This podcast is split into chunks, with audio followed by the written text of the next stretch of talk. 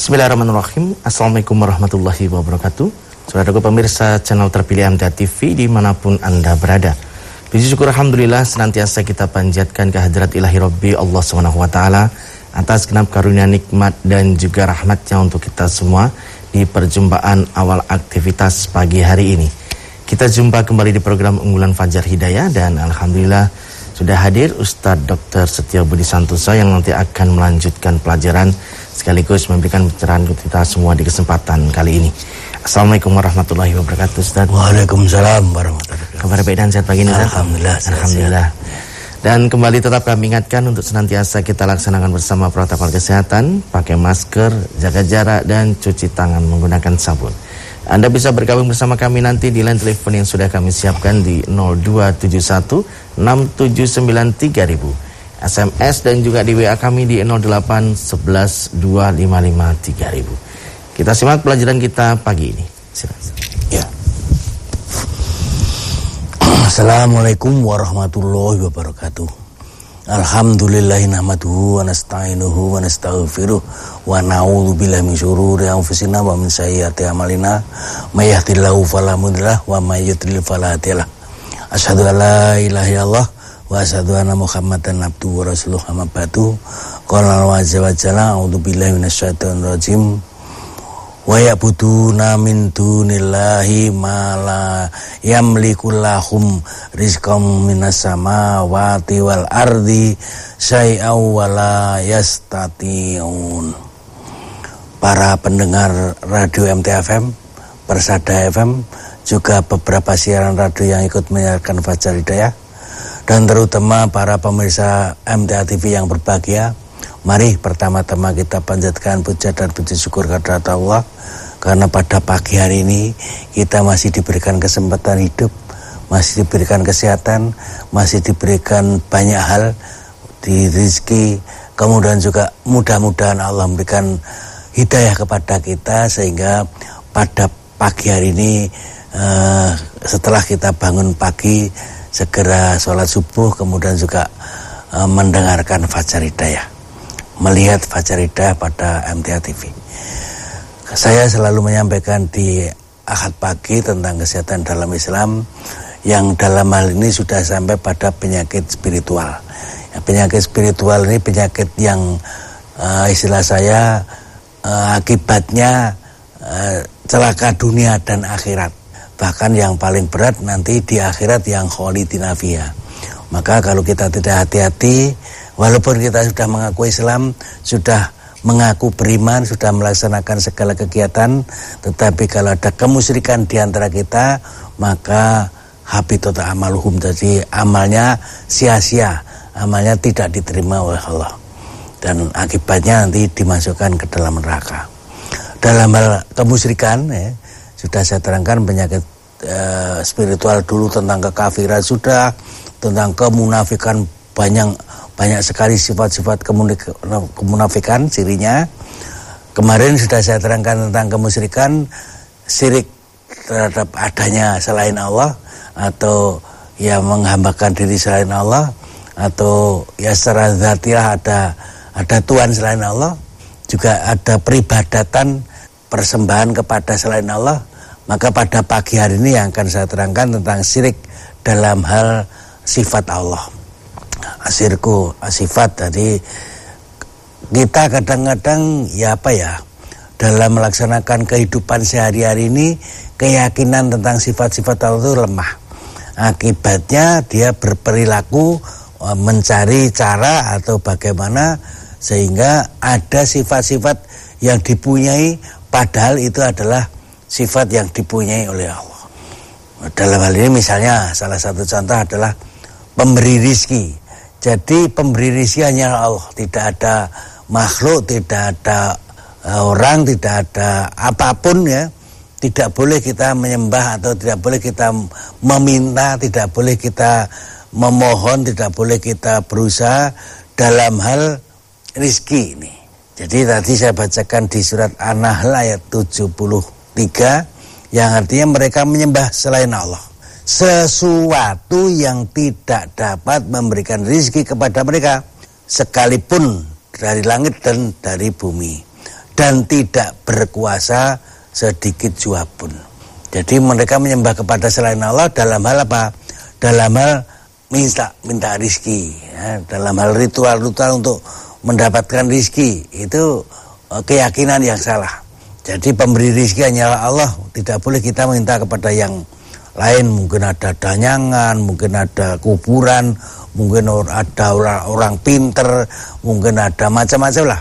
Jadi kadang-kadang kita berbuat syirik tidak merasa walaupun juga sholat, walaupun juga puasa, walaupun mungkin sudah haji, tetapi dalam hal rizki kadang-kadang uh, dia ya melaksanakan persembahan ritual-ritual tertentu ya, atau juga ada yang minta kepada benda ya, kepada danyangan, kepada kuburan, kepada tempat yang keramat itu yang terkenal di Jawa ini kalau minta rezeki ya datang ke Gunung Kawi misalnya.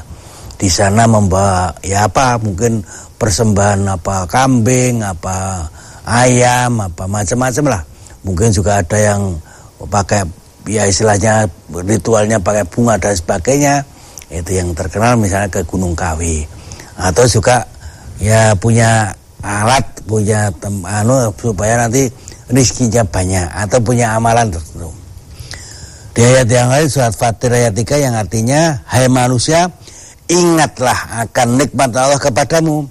Adakah pencipta selain Allah yang dapat memberikan rizki kepada kamu dari langit dan dari bumi Tidak ada Tuhan selain Allah maka mengapakah kamu berpaling dari ketauhidan Jadi diingatkan bahwa uh, yang bisa memberikan rizki hanya dari Allah yang mereka sembah itu tidak dapat memberi rizki sedikit pun gitu.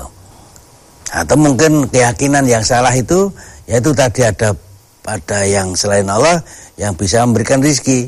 Padahal itu mestinya keyakinan kita harus di, dihilangkan. Surat Al-An'am 17 yang artinya sesungguhnya apa yang kamu sembah selain Allah adalah berhala dan kamu membuat dusta Sesungguhnya yang kamu sembah dan selain Allah itu tidak mampu memberikan rizki kepadamu. Maka mintalah rizki itu dari sisi Allah. Sembahlah dia dan bersyukurlah kepadanya. Hanya kepadanya lah kamu akan dikembalikan. Jadi diingatkan kamu sembah, kamu membuat ritual-ritual tertentu untuk mendapatkan rizki itu perbuatan yang salah diingatkan bahwa yang mem bisa memberikan rizki hanyalah Allah ya. maka mintalah rizki itu kepada Allah jadi kalau kepengen ya istilahnya mendapatkan ya apa ya mungkin kehidupan duniawi atau mungkin yang lain-lain lah itu hanya minta kepada Allah itu di ayat yang lain surat An-Nahl 56 dan mereka sedianya untuk berhala-berhala yang mereka tiada mengetahuinya. Satu bagian dari rizki yang telah kami berikan kepada mereka. Demi Allah, sesungguhnya kamu akan ditanyai tentang apa yang kamu ada-adakan itu. Jadi persembahan ini untuk Allah, ini untuk ya berhala tadi. Contoh misalnya dalam hal berkorban. Ya tiap tahun pada saat Idul Adha berkorban, tapi juga berkorban untuk berhala. Contohnya dipakai untuk ya misalnya menyembelih apa ya kerbau untuk ditanam di gunung atau dilempar ke laut atau ya itu tidak ada contohnya tidak ada perintahnya ya, dari Al-Quran tidak ada supaya gunung itu tidak marah kemudian di ya disembelihkan kambing atau disembelihkan uh, kerbau itu dimasukkan ke dalam gunung tadi atau ya kawahnya itu misalnya atau juga di laut itu supaya tidak marah, tidak ada tsunami, maka ada persembahan untuk laut ya. Yang yang tadi kalau kalau tiap ya tiap Dhul juga berkorban ya kepada Allah, tapi juga ritual-ritual berkorban kepada laut juga dilaksanakan ya. Beberapa tempat itu kan melaksanakan ritual untuk mendapatkan ya keselamatan lah mungkin atau juga ritual-ritual untuk mendapatkan rezeki juga gitu jadi Yang paling berat juga e, berwasilah atau berdoa itu kepada orang-orang soleh. Itu bukan kepada Allah itu. Di surat Az-Zumar ayat 3, ingatlah hanya kepunyaan Allah agama yang bersih atau yang e, tauhidnya bersih dari syirik. Dan orang-orang yang mengambil pelindung selain Allah berkata, kami tidak menyembah atau mereka jadi mereka kalau berdoa, kalau mohon kepada orang-orang yang soleh tadi tidak menyembah kepada mereka, melainkan supaya mereka mendekatkan kami kepada Allah dengan sedekat-dekatnya. Sesungguhnya Allah yang akan memutuskan di antara mereka tentang apa yang mereka perselisihkan itu. Sesungguhnya Allah tidak menunjuki orang-orang yang berdosa dan sangat ingkar. Jadi kadang ya berdoa kepada ya tadi mungkin istilah bahasa saya mungkin ada kiai yang yang yang karismatik atau mungkin ya kepada siapa. Kalau ditanya oh jangan begitu jangan menyembah jangan memohon kepada orang yang sudah mati. Oh tidak kok saya tidak menyembah kepada mereka. Saya hanya berharap dengan mereka itu bisa mendekatkan diri dengan Allah dengan sedekat-dekatnya jadi untuk sebagai wali was, wasilah tadi untuk supaya lebih dekat kepada Allah lewat itu tadi gitu. Di ayat yang lain surat Al-Isra ayat 57 orang-orang yang mereka seru itu mereka sendiri mencari jalan kepada Tuhan mereka. Siapa di antara mereka yang lebih dekat kepada Allah dan mengharapkan rahmatnya dan takut akan azabnya sesungguhnya azab Tuhanmu adalah yang harus kamu takuti itu. Jadi mereka sendiri itu tergantung Allah. Artinya mereka-mereka orang yang dimintai bantuan tadi itu juga tergantung Allah. Maka kita tergantung Allah mereka tergantung Allah. Jangan sampai kita itu ya supaya mendekatkan dari itu dengan cara yang yang sirik gitu tadi. Bahkan berhala-berhala itu tidak bisa memberi ya di surat Al-An'am ayat 46 katakanlah terangkanlah kepadaku jika Allah mencabut pendengaran dan penglihatan serta menutup hatimu. Siapakah Tuhan selain Allah yang kuasa mengembalikannya kepadamu? Ya, kita tahu bahwa yang memberikan pendengaran, penglihatan, dan hati itu adalah Allah. Dan apabila apabila kita ditutup, ya, inaladina kafaru sawaun uh, alaihim tahum amlam tungdirun layu minun khotamallahu ala qulubihim wa ala samihi wa ala absorihim. Hisawah jadi kalau Allah menutup hati mereka menjadi kafir siapa yang bisa kuasa mengembalikannya? Itu hanyalah Allah ya.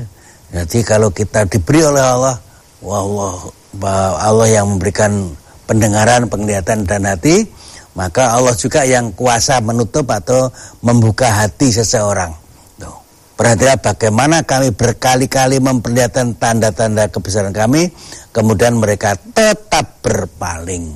Jadi antara lain Allah memberikan uh, kekuasaannya itu antara lain kita diberi perlengkapan, diberi peralatan untuk bisa menerima hidayah, yaitu pendengaran, penglihatan dan hati. Itulah kuncinya supaya kita menjadi orang yang beriman itu. Tapi kalau gara-gara kita diisi dengan hawa nafsu ya atau diisi dengan kemaksiatan ya, pendengaran, penglihatan dan hatinya penuh dengan kemaksiatan, penuh dengan hawa nafsu, maka tertutup. Siapa yang bisa membuka? Tidak bisa kecuali Allah. Jadi kalau kita diberi pendengaran, penglihatan hati, mestinya kita pakai untuk jalan yang baik itu. Di ayat yang lain, bagaimana aku takut kepada sesembahan-sembahan yang kamu persekutukan dengan Allah. Padahal kamu tidak tidak merusukan Allah dengan sesembahan sesembahan selain tidak menurunkan hujah kepadamu untuk mempersekutukannya maka manakah di antara dua golongan itu yang lebih berhak memperoleh keamanan uh, dari malapetaka jika kamu mengetahui jadi yang bisa memberikan apa ya hujah atau yang berikan keterangan itu dari dari Allah itu. Tetapi kamu ya istilahnya mempersekutukan dengan selain Allah.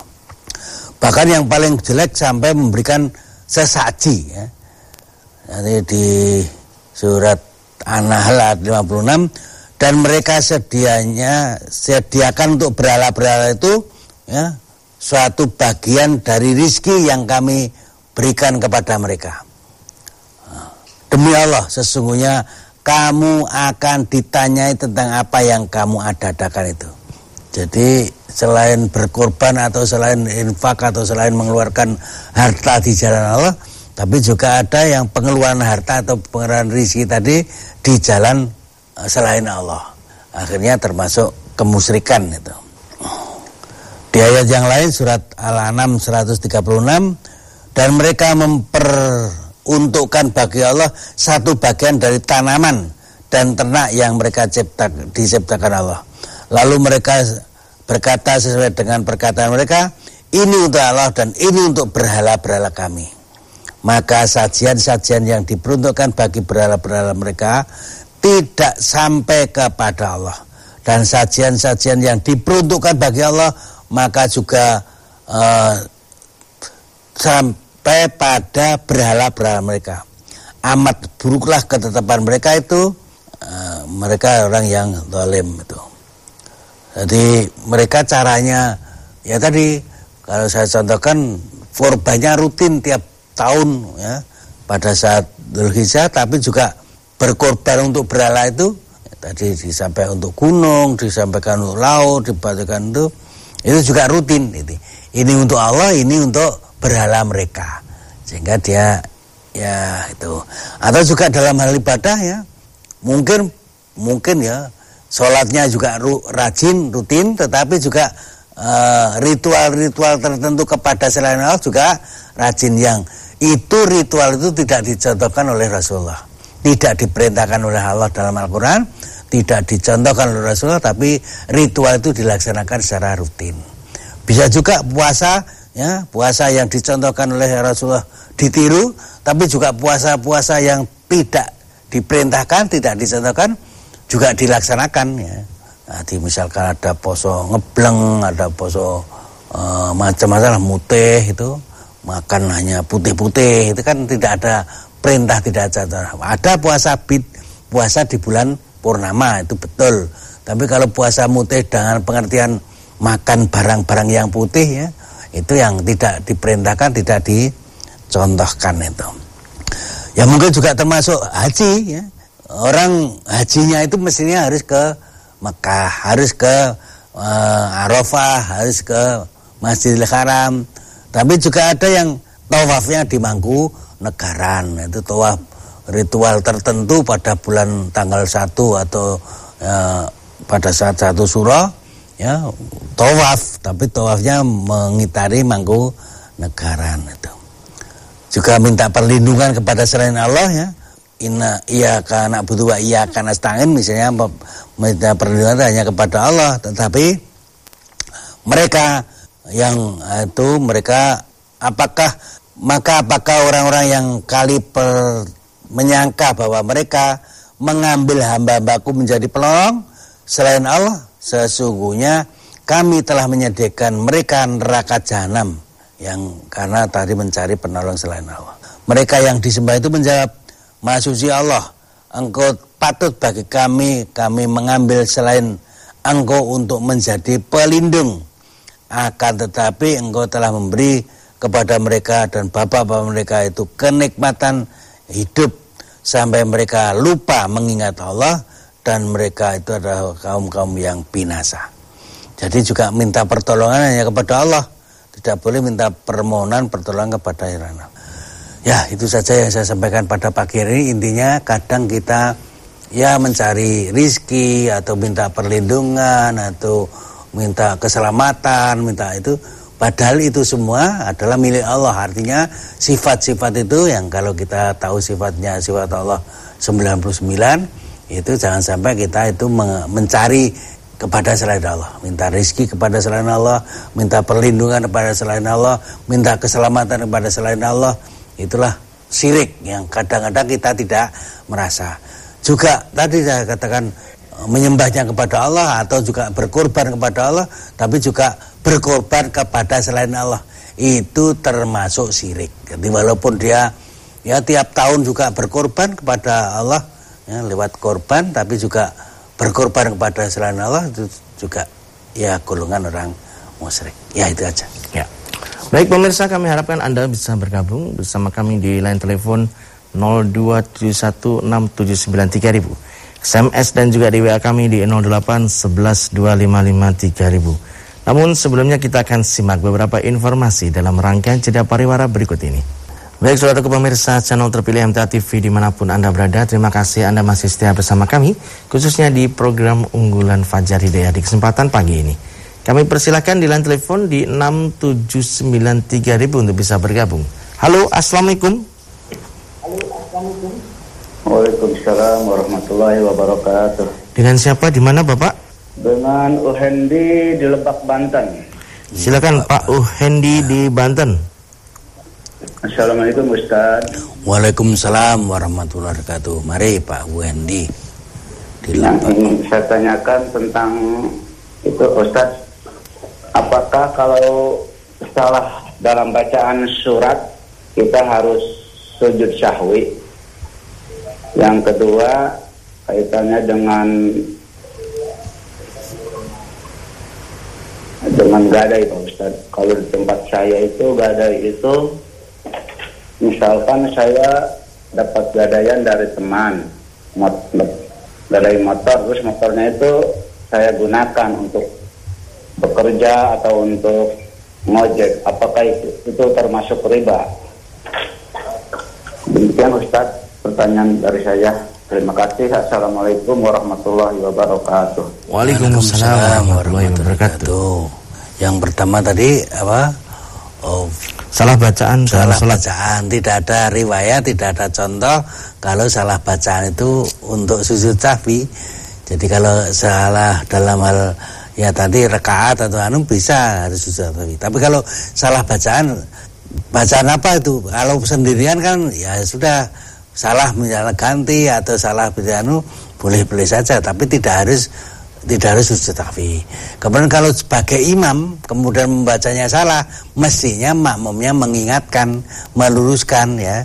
Caranya dengan ya bacaan itu diteruskan atau di di, di apa ya, ditegur, di disampaikan oleh makmum tadi bacanya yang betul begini, yang betul begini. Bukan bukan subhanallah tapi uh, meni apa meluruskan dari bacaan yang dibaca oleh imam. Kalau itu berjamaah itu. Tapi kalau sendirian misalnya membaca salah, membaca salah diganti surat yang lain itu tidak apa-apa.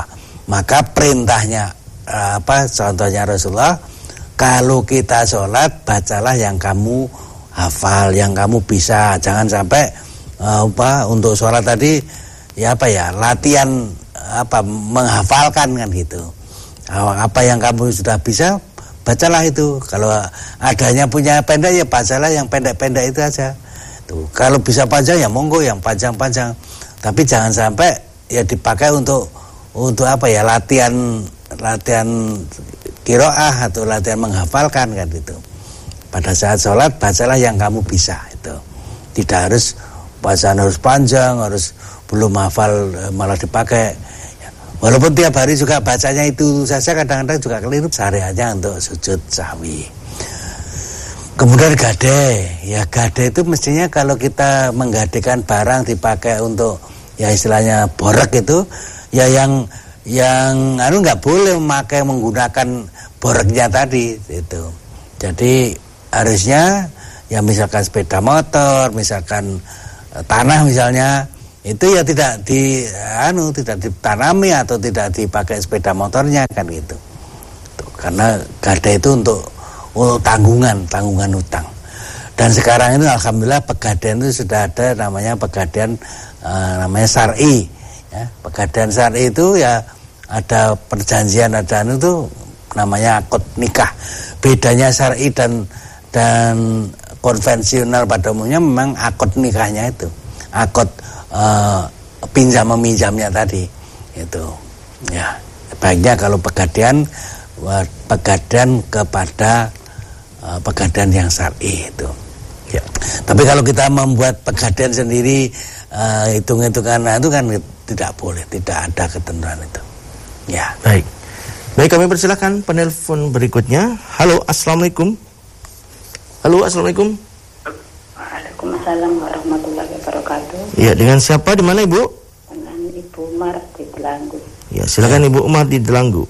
Assalamualaikum Pak Ustaz. Waalaikumsalam warahmatullahi wabarakatuh. Mari. Ini tentang kesehatan ya Ustaz. Ya. Ini Ustaz, seumpama ginjalnya biar bagus, selain air minum air yang banyak, harus minum obat apa itu. Terus kalau setiap hari minum air kelapa atau degan itu untuk kesehatan gimana? Terus ini Ustaz, kamu harus minum obat ini biar sembuh. Itu termasuk sirik apa enggak? Terima kasih. Wassalamualaikum warahmatullahi wabarakatuh. Waalaikumsalam warahmatullahi wabarakatuh. Jadi untuk menjaga supaya ginjalnya sehat itu ya tidak hanya sekedar makanan ya memang eh, apa ya apa ya juga tidak sekedar minuman tapi juga dalam kehidupan sehari-hari itu kita ya terutama eh, makanan bisa juga olahraga bisa, karena dengan olahraga itu orang itu kan mengeluarkan zat-zat yang kotor itu ada dua jalan. Satunya lewat ginjal satunya lewat keringat ya. Jadi kalau dia mengeluarkan keringat jadi kotoran-kotoran itu dibuang lewat keringat. Tapi kalau tidak pernah olahraga ya, ya tadi mungkin ginjalnya bebannya berat. Kemudian juga misalkan makanan atau obat-obatan. Obat-obatan yang sering kadang-kadang kita biasa beli obat-obat anti sakit itu itu membebani ginjal jadi pembuangannya lewat ginjal. Jadi kalau kita biasa minum obat-obat anti sakit sekehendak hatinya, itu akibatnya ginjalnya menjadi berat. Termasuk mungkin makanan-makanan seperti jengkol, seperti pete, seperti ya itu juga membebani karena pengeluarannya lewat ginjal. Jadi harus tidak boleh berlebihan, tidak boleh ya, sampai banyak sehingga uh, makanan tadi yang dibuang lewat ginjal itu ginjalnya terlalu berat untuk uh, apa ya men-screening itu nah, maka beban itu kalau makannya tadi misalkan minuman yang uh, tanpa mineral itu kan lancar beres itu itu jadi bagus itu selain itu olahraga dan juga secara keseluruhan itu. Yang kedua apa tadi? Tiap hari minum air kelapa. Air kelapa boleh-boleh saja jangan asal jangan berlebihan ya tiap hari. Kecuali orang-orang yang mungkin apa ya kolesterolnya tinggi atau lemak-lemaknya tinggi ya dikurangi. Tuh air kelapa bagus itu nggak apa-apa. Terus yang ketiga? Kamu harus minum obat ini. Nah, apakah itu ya. termasuk sirik enggak ya namanya obat itu kan usaha ikhtiar tuh. Jadi yang namanya berobat, yang namanya minum obat itu adalah usaha ikhtiar. Tapi pemberi sehat dan tidak sehat adalah Allah. Wa idza maritu fahuwa yasfin. Apabila kamu sakit, Allah lah yang menyembuhkan kamu.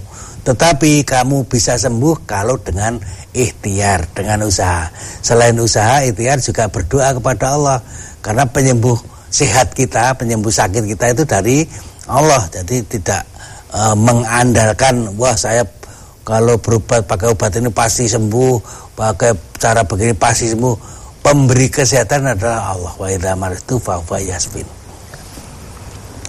Ya, demikian saja. Ya. Baik.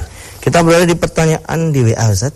Dari Pak Hasan di Demak menanyakan apakah kalau kita sedang zikir setan itu masih bisa membisik-bisiki kita apa benar Ustaz? Dan bagaimana cara agar zikir bisa tetap kusuk? Nah, yang pertama yang namanya zikir itu dekat dengan Allah. Jadi orang yang uh, dekat dengan Allah tentu setan tidak akan masuk gitu. Tapi kalau kita lupa kepada Allah, kita berbuat maksiat, ya setan akan menghasung kepada kita perbuatan maksiat menjadi makin besar makin besar begitu. Jadi zikir bentuk zikir macam-macam, mengucap subhanallah walhamdulillah walailallah wallahu akbar itu namanya zikir. Membaca Quran juga zikir karena Al-Qur'an itu merupakan al-zikir. Jadi kalau kita kiroah, kita pengajian, kita ya mempelajari tafsir Al-Quran itu juga zikir ingat pada Allah. Jadi kalau kita makin dengan makin dekat dengan Allah maka setan akan sulit masuk gitu. Nah, mungkin memang bisa juga eh, bentuk-bentuk ritual yang tidak dicontohkan menjadi dilaksanakan gara-gara zikirnya tidak ingat pada Allah. Jadi zikir itu mestinya ingat pada Allah, bukan zikir malah tidak ingat itu. Maka mestinya seharusnya kalau berzikir itu menurut ketentuan Allah. Cara-cara yang diperintahkan Allah dilaksanakan, kemudian meniru contoh dari Rasulullah. Jadi kalau berlaksanakan zikir, contohnya Rasulullah bagaimana mengucapkannya, bagaimana bagaimana dilaksanakan. Insya Allah mudah-mudahan kalau kurang berzikir kepada Allah betul-betul maka setan akan uh, jauh atau tidak mendekat. Tapi kalau uh, zikir dengan membuat kreatif cara-cara tertentu, ritual-ritual tertentu, mungkin bisa jadi setan malah menghasut untuk berbuat jelek itu. Kemudian yang kedua tadi uh, supaya zikir khusyuk ya itulah pikirannya, perasaannya, hatinya itu di ya betul-betul untuk mengingat Allah ya tidak hanya sekedar mengucap tapi uh, tidak hanya sekedar lisannya tetapi juga hatinya jadi kalau kita pikir tidak hanya sekedar mulutnya tetapi juga hatinya maka itulah zikir secara khusyuk itu ya baik pertanyaan berikutnya dari saudara kita yang ada di Banjarnegara pertanyaan pertama puasa tanggal 13, 14, 15 dan salah satu tanggal berhalangan Ustadz diganti tanggal berikutnya bisa atau tidak. Yang kedua, setiap orang Islam wajib mengerjakan sholat Jumat. Di lokasi saya, bagi perempuan, sholatnya duhur. Bagaimana hukumnya yang demikian Ustaz? Ya, yang pertama yang namanya sholat apa puasa bid puasa ya. putih itu ya tiga hari, tanggal 13, 14, 15 kalau di dan waktu namanya bukan bit artinya um, apa ya bulannya sudah tidak bulat itu. Nanti kalau ada berangan mas tatotum itu nanti semaksimalnya. Tuh ada ibu-ibu baru puasa satu hari lalu menstruasi ya sudah. Satu hari sudah. Bit bitnya tanggal 13 14 nya tidak bisa puasa ya sudah maksimalnya mas tatotum.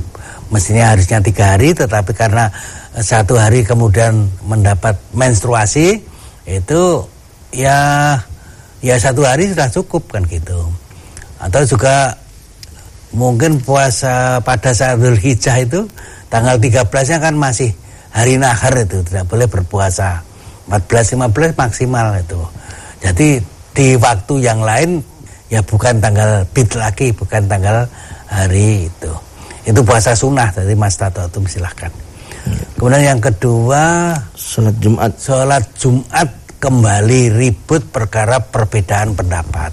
Memang ada yang namanya sholat Jumat itu sholat di hari Jumat. Jadi apa pun hari Jumat itu sholat di hari Jumat namanya sholat Jumat. Tapi ada ulama yang sholat Jumat itu adalah sholat berjamaah di hari Jumat. Jadi kalau berjamaah itu namanya sholat Jumat. Kalau tidak berjamaah tidak Jumat gitu. Maka bagi wanita tadi kalau mengambil bahwa sholat Jumat itu sholat di hari Jumat di rumah maupun di masjid tetap dua rakaat karena dia sholat Jumat. Di rumah sendirian ya dua rakaat di masjid juga dua rakaat bersama imam itu. Jadi di rumah dan kalau dia mengambil pendapat bahwa sholat Jumat itu berjamaah di masjid maka dia kalau di masjid dua rakaat ikut berjamaah itu namanya sholat Jumat. Kalau di rumah sholat zuhur empat rakaat itu ada dua pendapat itu yang sampai sekarang belum selesai. Jadi nah di antara kita mungkin ada yang mengambil kemarin sudah diterangkan oleh Ustaz bahwa jumhur ulama memang sholat Jumat itu berjamaah. Tapi juga ada yang ahli bahwa sholat Jumat itu sholat di hari Jumat. Bahkan juga dalam Al-Quran ya ayuladina amanu itu bagi mereka yang diperintahkan sholat itu, itu orang-orang yang beriman berarti orang laki-laki dan perempuan melaksanakan sholat Jumat di hari Jumat itu dua rekat baik sendirian maupun maupun berjamaah itu tidak selesai berarti perbedaan pendapat itu sampai sekarang tidak selesai ya, ya baik kita kembali ke line telepon 02716793000 kami persilahkan halo assalamualaikum Waalaikumsalam warahmatullahi wabarakatuh. Dengan siapa di mana Bapak? Dari Pak Joko Sukoharjo, Pak. Ya, silakan Pak Joko Sukoharjo. Mau tanya, Pak? Iya, mari silakan. Iya. Uh, mengenai surat An-Nisa ayat 11. dan kaitannya dengan harta warisan uh, itu uh, untuk semua orang muslim atau untuk umum Pak yang pertama yang kedua uh, kami mempunyai saudara tiga yang dua muslim yang satu nasrani Oh, terputus ya. Baik. Yang pertama sudah bisa ditanggapi Ustaz ya. Jadi tentang Hadis 11 ya. pembagian harta warisan, Bro. Ya. Pertanyaannya apa? Itu untuk semua orang muslim ataukah umum? Yang namanya eh, warisan itu aturan orang muslim itu bukan orang kafir itu. Jadi kalau di antara kita itu eh, istilahnya bahasa saya anaknya campur aduk ya berbagai macam maka ya tidak selesai itu. Nanti kalau orang muslim mestinya aturan warisan itu pembagian warisan menggunakan hukum Islam. Tapi ada di antara kita wong Islam ngaku Islam tetapi diajak kembali kepada hukum Islam itu tidak mau ya maka tidak jadi selesai gara-gara berbeda agama. Maka kalau kalau semuanya agamanya Islam kemudian dia eh, mari pembagian warisan secara Islam selesai. Tidak ada masalah. Tapi kalau ada satu dua anak yang tidak tidak tidak Islam akhirnya pembagian warisan tidak bisa dilaksanakan. Begitu pula nanti kalau ya antara bapak dan anak itu berbeda. Ya, misalnya anaknya Islam, bapaknya kafir, itu ya tidak bisa melaksanakan hukum waris kan gitu. Nah terus hukumnya apa?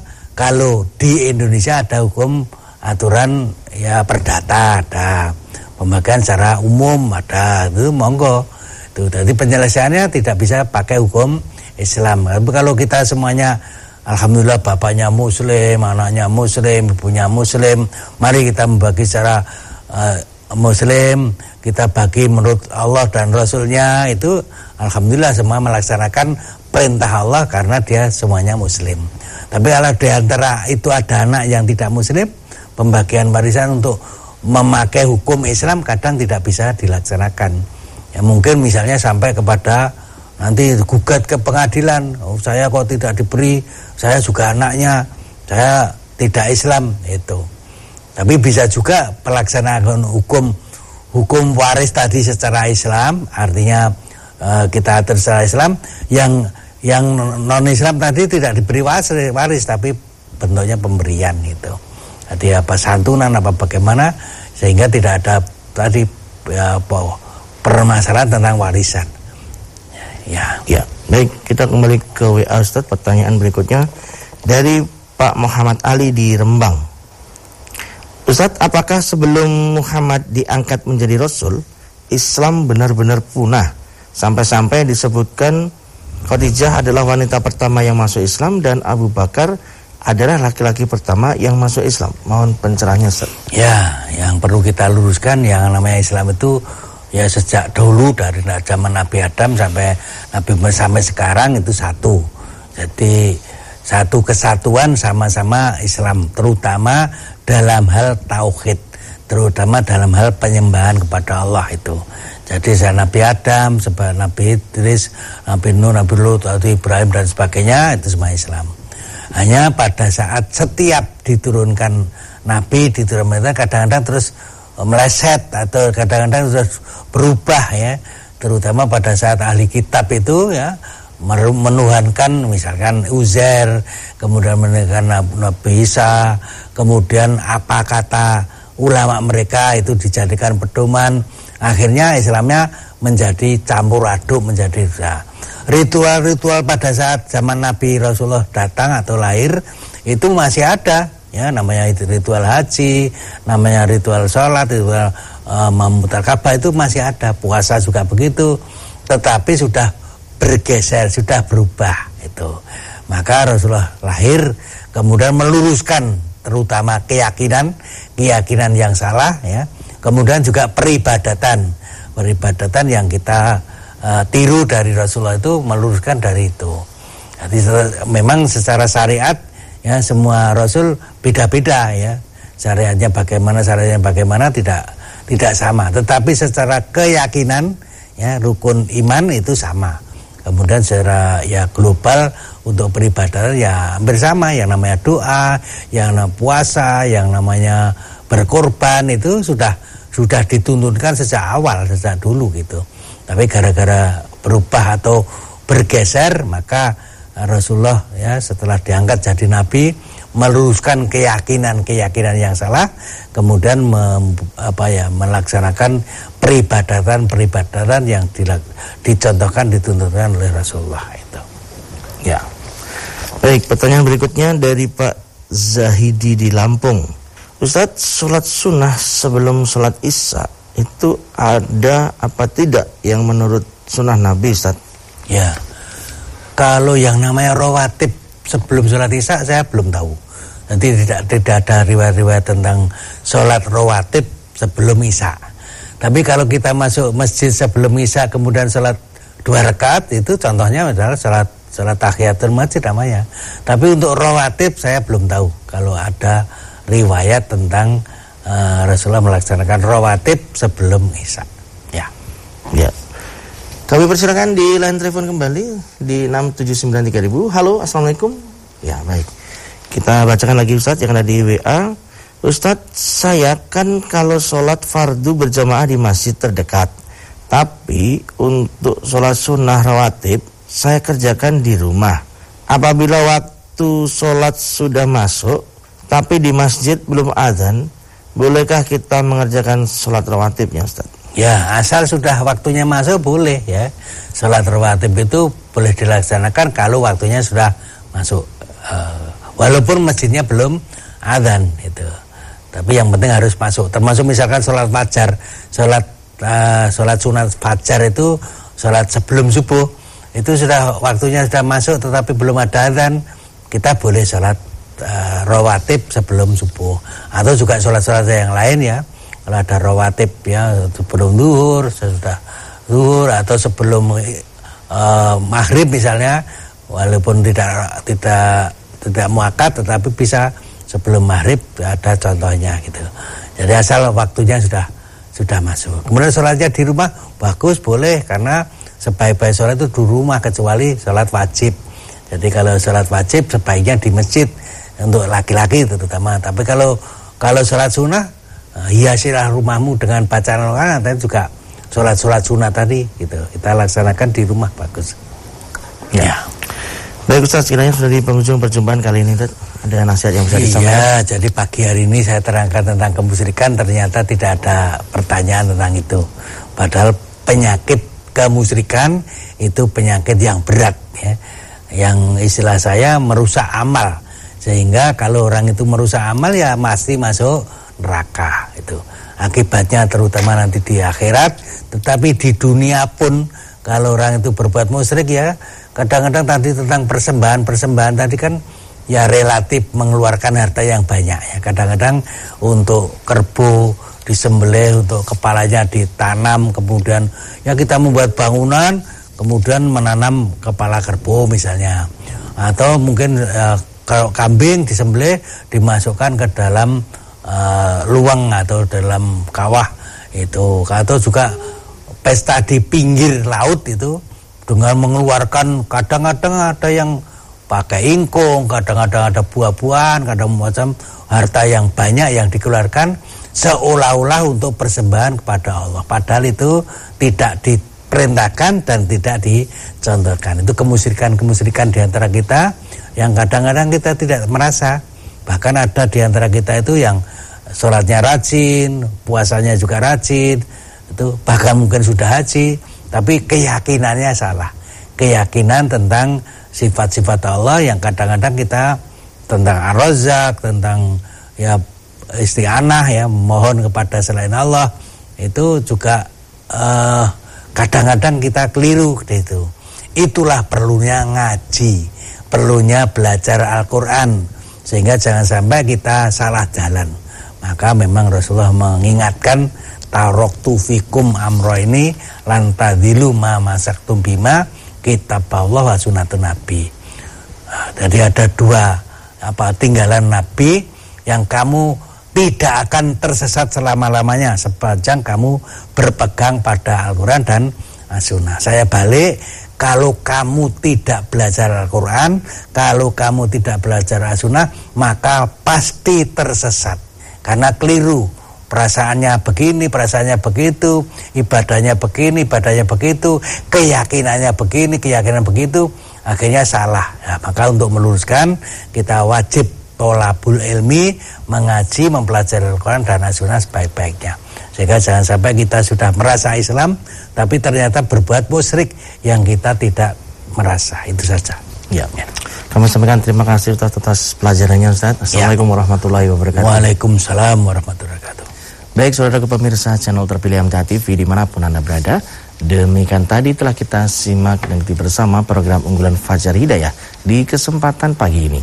Dan kembali tetap kami ingatkan untuk senantiasa kita laksanakan protokol kesehatan, pakai masker, jaga jarak dan cuci tangan menggunakan sabun.